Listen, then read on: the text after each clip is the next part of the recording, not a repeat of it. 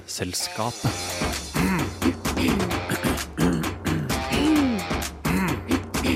Vitenselskapet. 1. desember, dere.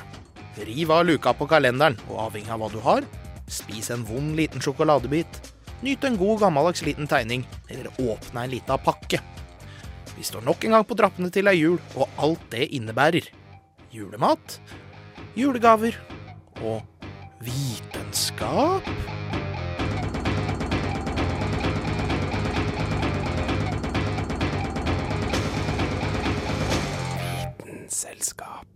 Ja, du hørte riktig. Idet vi går i gang med den virkelige julemåneden, selv om butikkhyllene har vært fulle av marsipan og julebrus siden oktober, skal vi i dag ta for oss vitenskapen i jula. Du klør deg kanskje litt i hodet og lurer på hva i all verden Einstein, labfrakker og eksperimenter har å gjøre med grantrær, pakker og den slags. Men det skal du straks få høre. Så varm deg litt gløgg, og hør nøye etter når vi tar veien om blant annet jomfrufødsler, myrra, stjerneskudd og svor. Jeg heter Dag Løvold Magnussen, og du hører på Vitenselskapet. Å vite vet Vitenselskapet.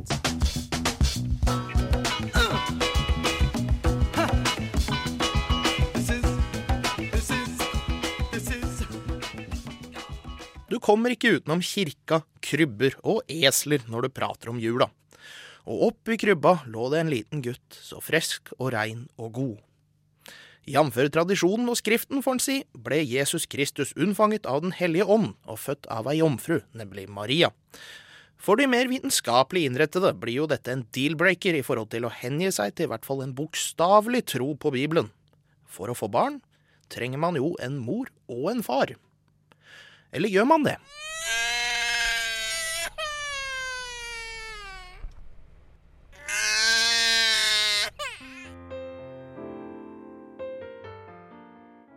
I juletida feirer en Jesus sin fødsel. Jesus kom til verden i en stall med tre rare gubber, ja, men det er noe mer interessant som ligger bak. Jomfru Maria var jo nettopp jomfru. Hvordan kan da Jesus ha vokst fram i livet henne? Er det snakk om en jomfrufødsel? Sjøl om jomfrufødsel kanskje høres ut som noe du bare finner i Bibelen, er det faktisk et vitenskapelig fenomen. I den biologiske nomenklaturen heter det partenogenese. Det er strengt tatt en form for kloning. Ikke kloning type Jurassic Park, men heller en litt alternativ form for å få unge. En måte som gjør Josef litt mindre viktig. Det er kanskje uvant med en type formering som ikke er så enkel som sæd og eggcelle i kombinasjon. Sjøl om dette er det vanligste, er jomfrufødsel observert i naturen. Dette er bl.a. i mange planter og over 50 virveldyrarter, både i fisk, øgler, slanger og salamandere. Hva har egentlig kloning med jomfrufødsler å gjøre? Jo, for det må ende opp sånn. For oss, mennesker, er det sånn at vi har en genetisk far og en genetisk mor. Ei eggcelle med 23 kromosom og ei sædcelle med like mange kromosom. Disse går hånd i hånd og skaper et nytt menneske, med 46 kromosom fordelt på 23 par. Det nye mennesket er nå en del mor og en del far. Akkurat som vi er vant til. Men hva om vi tar far ut av ligninga? Jo, da vil alle 46 kromosomene måtte være fra mor. Og da vil du ende opp med akkurat det som mor har. Du vil altså ende opp med en yngre versjon av mor, og bortsett fra aldersforskjellen er det slående slikt. Nå har jeg prøvd å legge fram den vitenskapelige basisen for at Jesus var født som en klone, men jeg må dessverre peke ut en feil i forklaringa. Du skjønner, det er ikke Guds sønn som vil være resultatet. Som du sikkert vet, har damer to X-kromosom, mens menn har XY. To like mot to forskjellige. Og det er jo mor som var unger. Men hun har to X-er og ingen Y-er. Og du må ha begge deler for å få menn. Derfor vil jomfrufødsel føre til en serie med jenter. Menn er jo for så vidt overflødige i reproduksjonssyklusen her, og kan kuttes. Men poenget mitt var Jesus var jo en liten gutt. Vitenskapelig sett er det da høgst merkverdig om å være resultatet av en ekstremt spesifikk mutasjon. Eller kanskje noen har ei overnaturlig forklaring på saken. Sjøl om det nærmer seg jul og juleevangeliet er ei skikkelig trivelig historie, vil jeg ta et steg unna og prate litt mer om jomfrufødselen. For jeg sa jo akkurat at menn var overflødige om aseksuell produksjon er mulig. Hvorfor fins det sånne som meg da?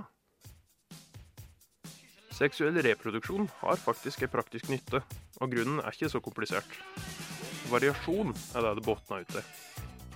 Når du har to forskjellige individ som går sammen om å logge en unge, har du den dobbelte mengda med arvestoff å ta av. Evolusjon er jo alltids ute etter nyvinninger. Å stagnere er å dø i naturen. Så variasjonen gjør at mennesket er bedre rusta for framtida. I tillegg er vi bedre beskytta mot alskens sykdommer, for at mennesket har sex er bra for immunforsvaret. Både som art, men òg som individ, faktisk. Maria kunne altså teoretisk sett vært jomfru, sjøl om partenogese ikke er observert som pattedyr. Kanskje Jesus var ei jente? Kanskje ei litt mer bibelsk forklaring er riktig. Eller kanskje Maria trengte ei unnskyldning, og var veldig god til å tenke på føttene. Clever girl. Var Jesus ei jente? I alle avbildinger har han jo mistenkelig langt hår, og det er jo ikke uhørt at kvinner har skjegg heller. På sirkus er det jo nærmest for en klisjé å regne. I alle tilfeller må vi nok avskrive at han og Maria var virveldyr. Det hadde nok omgivelsene merka. Mannen som ga deg det siste om jomfrufødsler, heter Carl Adams Kvam. Visst, visst, visst, visst, visst du at? Visste du at? Visste du at asparges får urinen til å lukte annerledes? Det er fordi asparges inneholder en svovelholdig syreforbindelse som brytes ned i kroppen og skilles ut gjennom urinen. Siden disse svovelforbindelsene er svært lette å bryte ned, kan man merke lukta i urinen allerede 15 minutter etter man spiste asparges. Visst, visst, visst, visst, De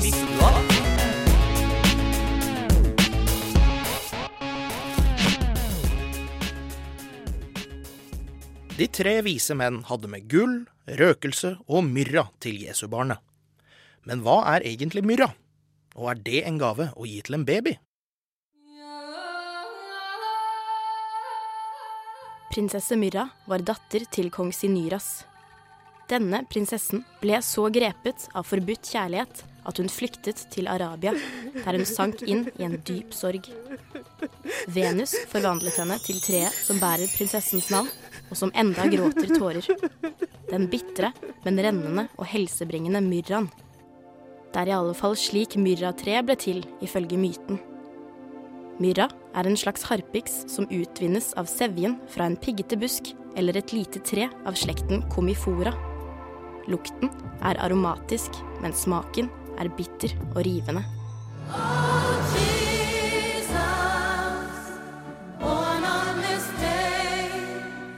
Myrraen er kanskje mest kjent som en av de tre gavene Jesus fikk, men stoffet har blitt brukt lenge før hans fødsel. Egypterne brukte f.eks. myrra til balsamering av de døde. De fylte visstnok magen med ren, knust myrra, kanel og annen røkelse før de sydde igjen. Grekerne tok også i bruk harpiksen bl.a. i sykdomsbehandling. Myrra ble brukt mot alt fra vond lukt, snusing mot snue, mot lammelser ved slag, til fremskynding av fødsel og menstruasjon.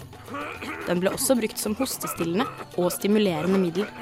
Myrra nevnes også i første Mosebok, hvilket viser at den var en betydelig handelsvare allerede for 3500 år siden. Det var Melkjord som hadde med myrra som gave til Jesus, og mange har undret seg over symbolikken i dette. Myrra, som ble brukt til balsamering av døde, kan ha varslet hans død på korset. Så hvis du har problemer med årets julegaver, vil jeg anbefale myrra som en spennende og symbolsk presang.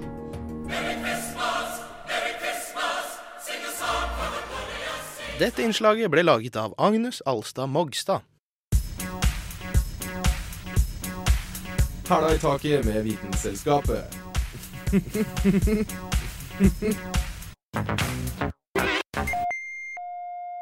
Resultatet av en jomfrufødsel, tilbedt av mange, og best rundt juletider. Det er kanskje ikke så vanskelig å tenke seg hva vi skal snakke om nå. Jo, nettopp klementiner.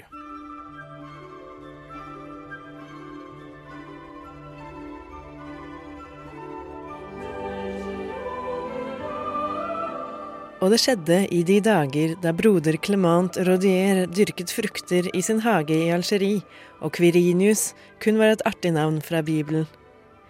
Dette var på begynnelsen av 1900-tallet. Et tre i hagen bar frukter, og frukten var søt, oransje og stenfri. Og det var noen hyrder der på stedet som var ute på marken og holdt nattevakt over sin jord. Men eh, dette antar jeg bare for å gjøre historien litt bedre, og uansett har det ikke noe særlig å si for fortsettelsen. For det viktige er at det var en sitrusfrukt født, som ble døpt klementin etter sin far. Men broder Klaman var, i likhet med visse andre, ikke klementinens biologiske far. Klementinen er nemlig en krysning mellom mandarin og appelsin, som forklarer slektslikheten, selv om smaken og størrelsen er annerledes. Faktisk er alle sitrusfrukter i hele verden bare ulike krysninger av fire opprinnelige arter. Få er allikevel blitt så populære i Norge som klementinene. Vi begynte å importere dem i 1963, og nå sendes det 27 000 tonn hit årlig. Halvparten av disse spises, kanskje ikke så overraskende, i desember måned. Selv om den ofte kalles ved et annet navn, mandarin, ble klementinen enerådende på det norske markedet på 90-tallet, og forviste mandarinen til et liv i hermetikkhyllene. For forbrukerne foretrakk den søte, stenfrie frukten. Klementinen er uten sten, for den er født av en jomfru. Fruktene oppstår nemlig av partenokarpi, som er en evne noen planter har. Direkte oversatt betyr det jomfrufrukt, og innebærer at planta kan få frukter uten at de er blitt pollinert. For at det skal bli nye klementiner på treet, må derfor bonden pode istedenfor å pollinere. Dette gjør han eller hun ved å f.eks. plante et skudd på stammen til klementintreet, som så vokser seg til en gren. En gren på et partenokarpisk tre kan med andre ord begynne å blomstre og frukte seg uten at det er andre til stede. Og nettopp fordi det ikke er andre til stede, vil frukten bli steril, dvs. Si fri for stener. Man hører jo mye fint om fenomenet blomster og bier, men akkurat når det kommer til klementindyrking, er biene djevelens verk. Klementintrær er nemlig slik at de ikke kan befrukte seg selv, så så lenge trærne på klementinfarmen er helt like, altså rad på rad med kloninger av seg selv, er det ingen trær der de kan ha sex med. Og det er her biene kommer inn, som slangen i paradis. De kan nemlig være borte på andre sitrustrær i nærheten før de lander på en klementinblomst. Med pollen på vingene kan de befrukte klementinene og dermed skape steiner i frukten. Så her er noen ord du kan gjemme og grunne på i ditt hjerte. Hvis du støter på en stein i din klementin, er den antageligvis det syndige avkommet til et klementintre og et sitrontre.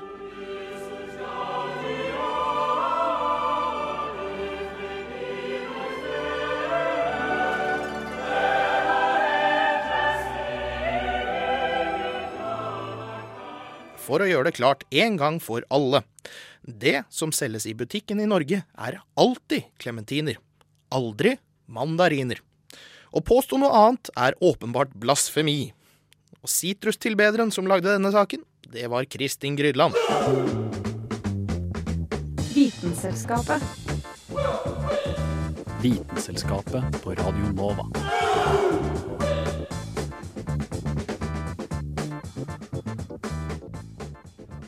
Så til et spørsmål de fleste ikke hadde, men garantert kan lære en ting eller to av. Kan vanlige husholdningsartikler brukes til å lage stjerneskudd, istedenfor de generiske stjerneskuddene man kjøper på butikken? Er du klar? Jeg er klar. Nå står vi da ute i kulda og skal tenne på stjerneskuddene våre. Vi kan late som det er nyttårsaften. Mm, Prøver å få litt nyttårsfølelse, rett og slett. Ja. Hvis jeg holder stjerneskuddet? Ja. Vil du holde den du har lagd, kanskje? Ja. OK.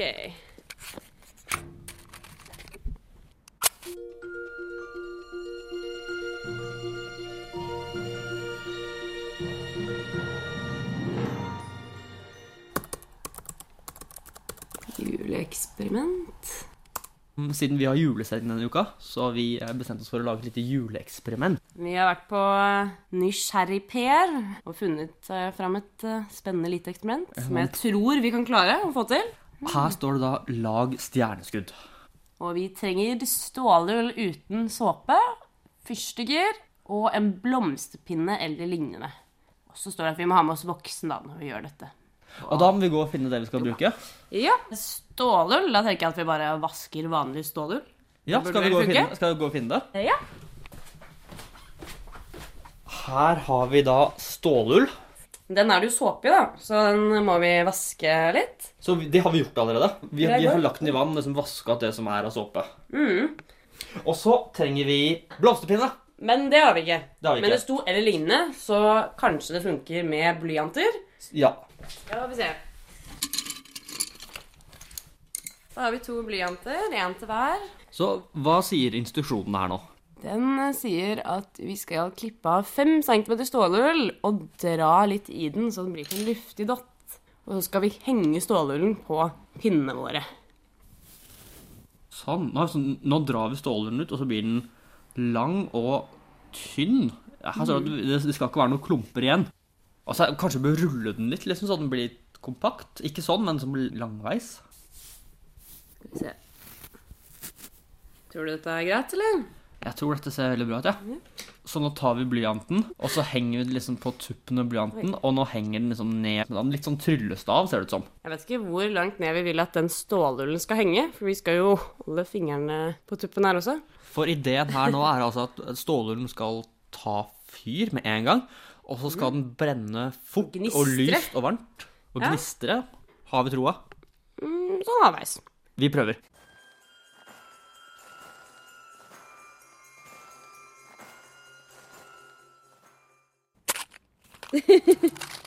Der røk fyrstikken. Første forsøk. Andre forsøk. Da, da skal jeg klare det der. Kjenner ikke din egen styrke. Oi!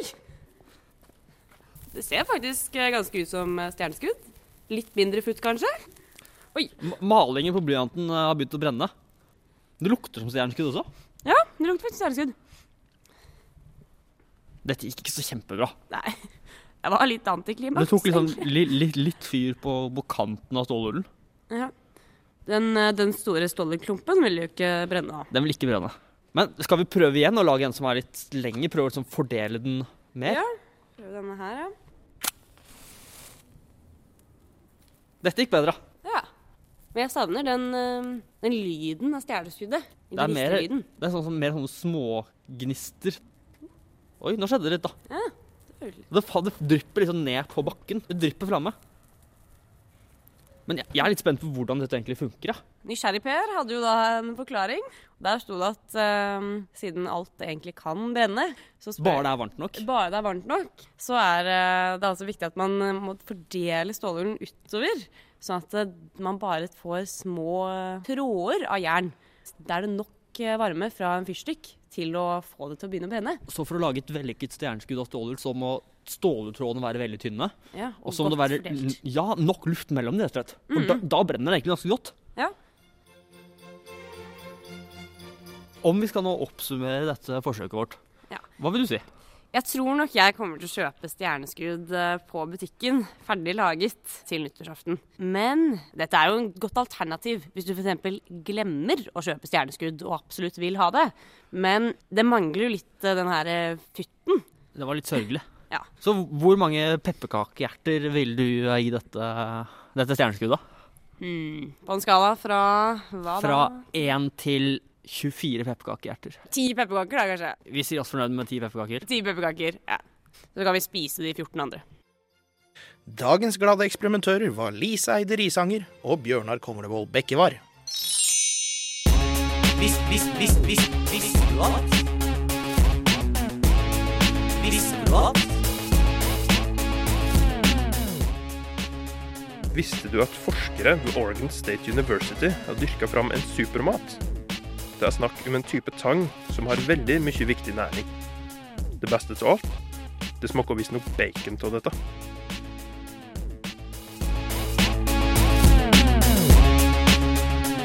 Visst, visst, visst, visst, visst, du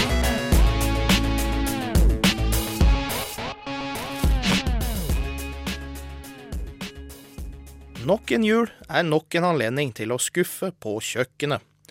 Eller briljere, avhengig av om du hører på dette innslaget eller ikke. Slik får du sprø svor. Imponer familien med julas sprøeste svor. Sprø svor Ribbevalget er avgjørende. Sprø svor på 1, 2, 3. Heltrem viser deg sitt triks og sprø julesvor. Nervøs for julemiddagen? Ok, nok med klisjeene. Vi er alle blitt overfora med tips og råd til hvordan vi kan få sprø svor på ribba i utallige desembermåneder. Men har du noen gang tenkt over hvorfor svoren blir sprø? Ikke? Vel, ikke skift kanal. Finn ut hvorfor svoren blir sprø på ribba. Ribbe betegner som oftest et stykke svinekjøtt tatt fra den beinholdige ribbeinsiden av grisen. Etter partering og før ribba når en kjøledisk nær deg, så gjennomgår den tre prosesser. Den skolles i varmt vann for at busta skal slippe taket. Den piskes eller avbustes for å fjerne mesteparten av løs bust. Og til slutt så svis eller barberes ribba for å fjerne de siste restene av bust. For hvem vil vel ha hår i maten sin?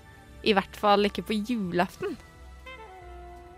Men nå som ribba er hårløs og klar for salg, så begynner vi å nærme oss det crunchy her. Svinesvoren består av store mengder kollagenproteiner, og på mikronivå så krysser kollagenfibrene seg på kryss og tvers, sånn at de danner et sterkt og finmaska nett. Når man da legger svoren i vannbad eller damper ribba før steking, så trenger vann inn i denne nettstrukturen i svoren, og svoren svelger. Du har kanskje lagt merke til at dampet svor er geléaktig, og at de tilskårne rutene spriker. Det er i hvert fall nå moroa begynner, for når eh, svoren er ferdigsvella, skal man slutte å dampe og begynne å steke ribba, og da stiger temperaturen fort. Ved steking så øker temperaturen i ribbas fettlag til over 100 grader, og som vi vet, når vann når 100 grader celsius, så begynner det å fordampe. Vannet som er sperra inni svoren, begynner nå å fordampe, og på veien ut av ribba så blåser dampen opp det seige kollagenlaget som nå utgjør svoren.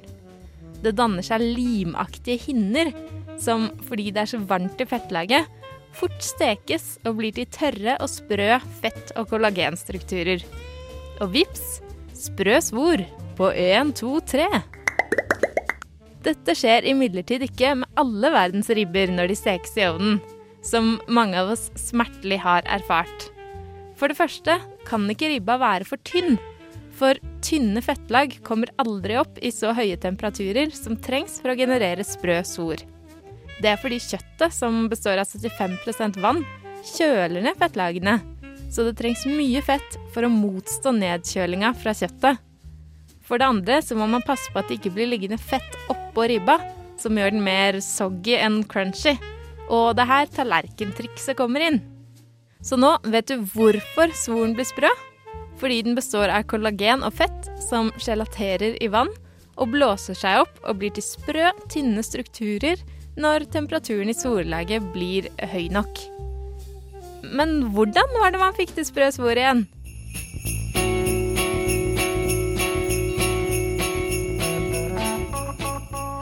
Grunnen til at kollagenfibrene i svoren ligger på kryss og tvers, er at det inneholder mye av aminosyren hydroksyprolin.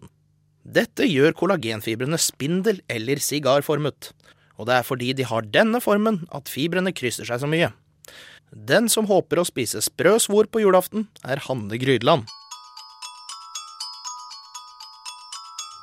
Du lytter til Radio Nova på FM 99,3.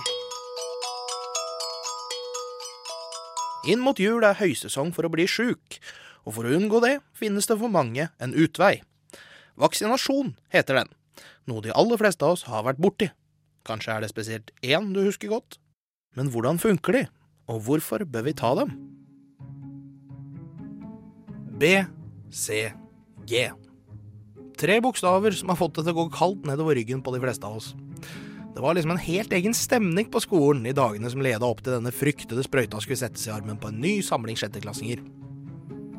Én var sikker på at en kamerat til storebror hadde fått så vondt at de måtte amputere armen et par dager senere. Og en annen var helt sikker på at ei jente på naboskolen falt om og døde rett etter at sykesøster hadde kjørt spissen langt inn i armen, fordi smertene ble uutholdelige. BCG er som kjent for tuberkulose. Og dette har jo blitt en såpass obskur sykdom her til lands, hvor bl.a. forskning viser at målretta vaksinasjon av risikogrupper er den klart mest effektive framgangsmåten. Således er det jo mulig å mistenke at hovedgrunnen til at den allmenne BCG-vaksina varte såpass lenge, var karakterbygging av den oppvoksende generasjon. For vi er nok alle enig i det, at BCG, det var den vondeste. Ta sprøyte var det kjent som blant meg og mine barndomsvenner. Men vi hadde jo ingen anelse om hva det var som skjedde i kroppen vår når helsesøster, litt avhengig av dagshumøret, påførte liten eller sterk smerte med å stikke oss i armen. De fleste voksne har kanskje en grunnleggende forståelse av hva det innebærer å få en vaksine, men det er såpass interessant at vi kaster på oss en liten gjennomgang. En vaksine det er en stimulering av immunforsvaret, slik at man blir immun for sykdommen uten noen gang å bli syk. Dette gjøres ved å ta mikrober fra ulike infeksjonssykdommer og deaktivere dem ved å tinkre og fikse litt på forskjellig vis. Rundt regna er det ca. 25 forskjellige vi har, som rangerer fra brukbar til meget god virkningskraft mot infeksjonssykdommer.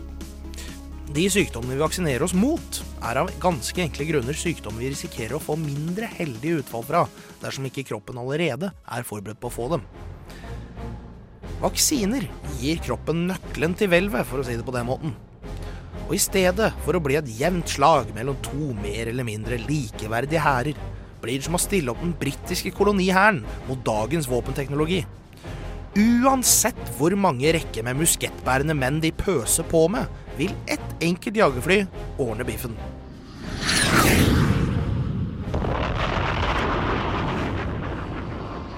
I Norge har vi barnevaksinasjonsprogrammet, som over ni av ti barn følger.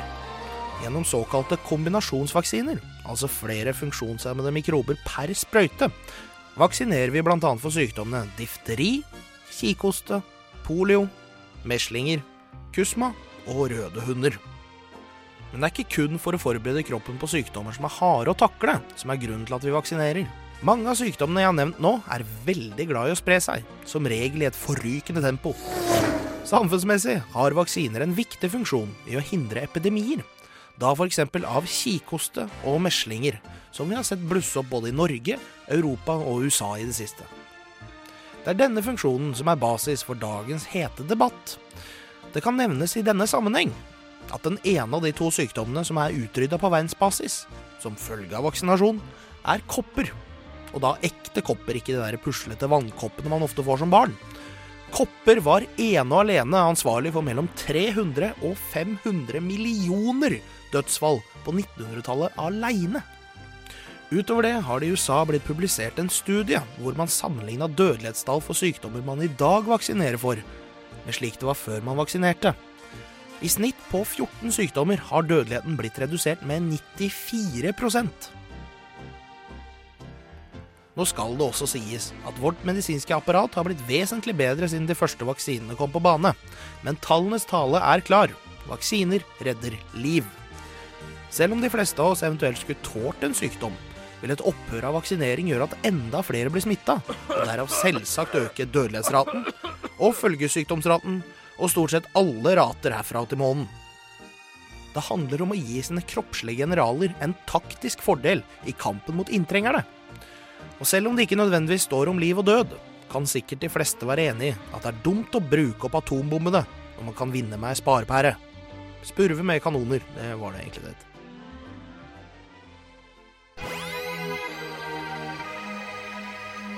Radio Nova, FM 99,3.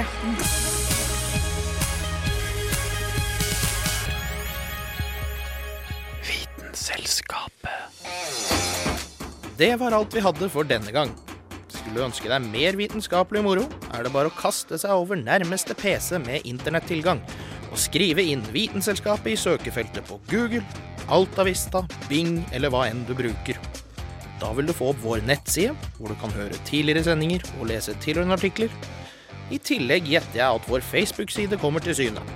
Der er det bare å ta kontakt om du skulle lure på noe. F.eks. om vitenskap og julestemning står i motsetning til hverandre. Noe du tilfeldigvis får høre om i neste sending av Vitenselskapet. Jeg heter Dag Løvold Magnussen og ønsker deg en ordentlig stressende førjulsstri. Da blir liksom julaften enda litt deiligere. Ha det bra. Radio Nova FM 99,3 og radionova.no.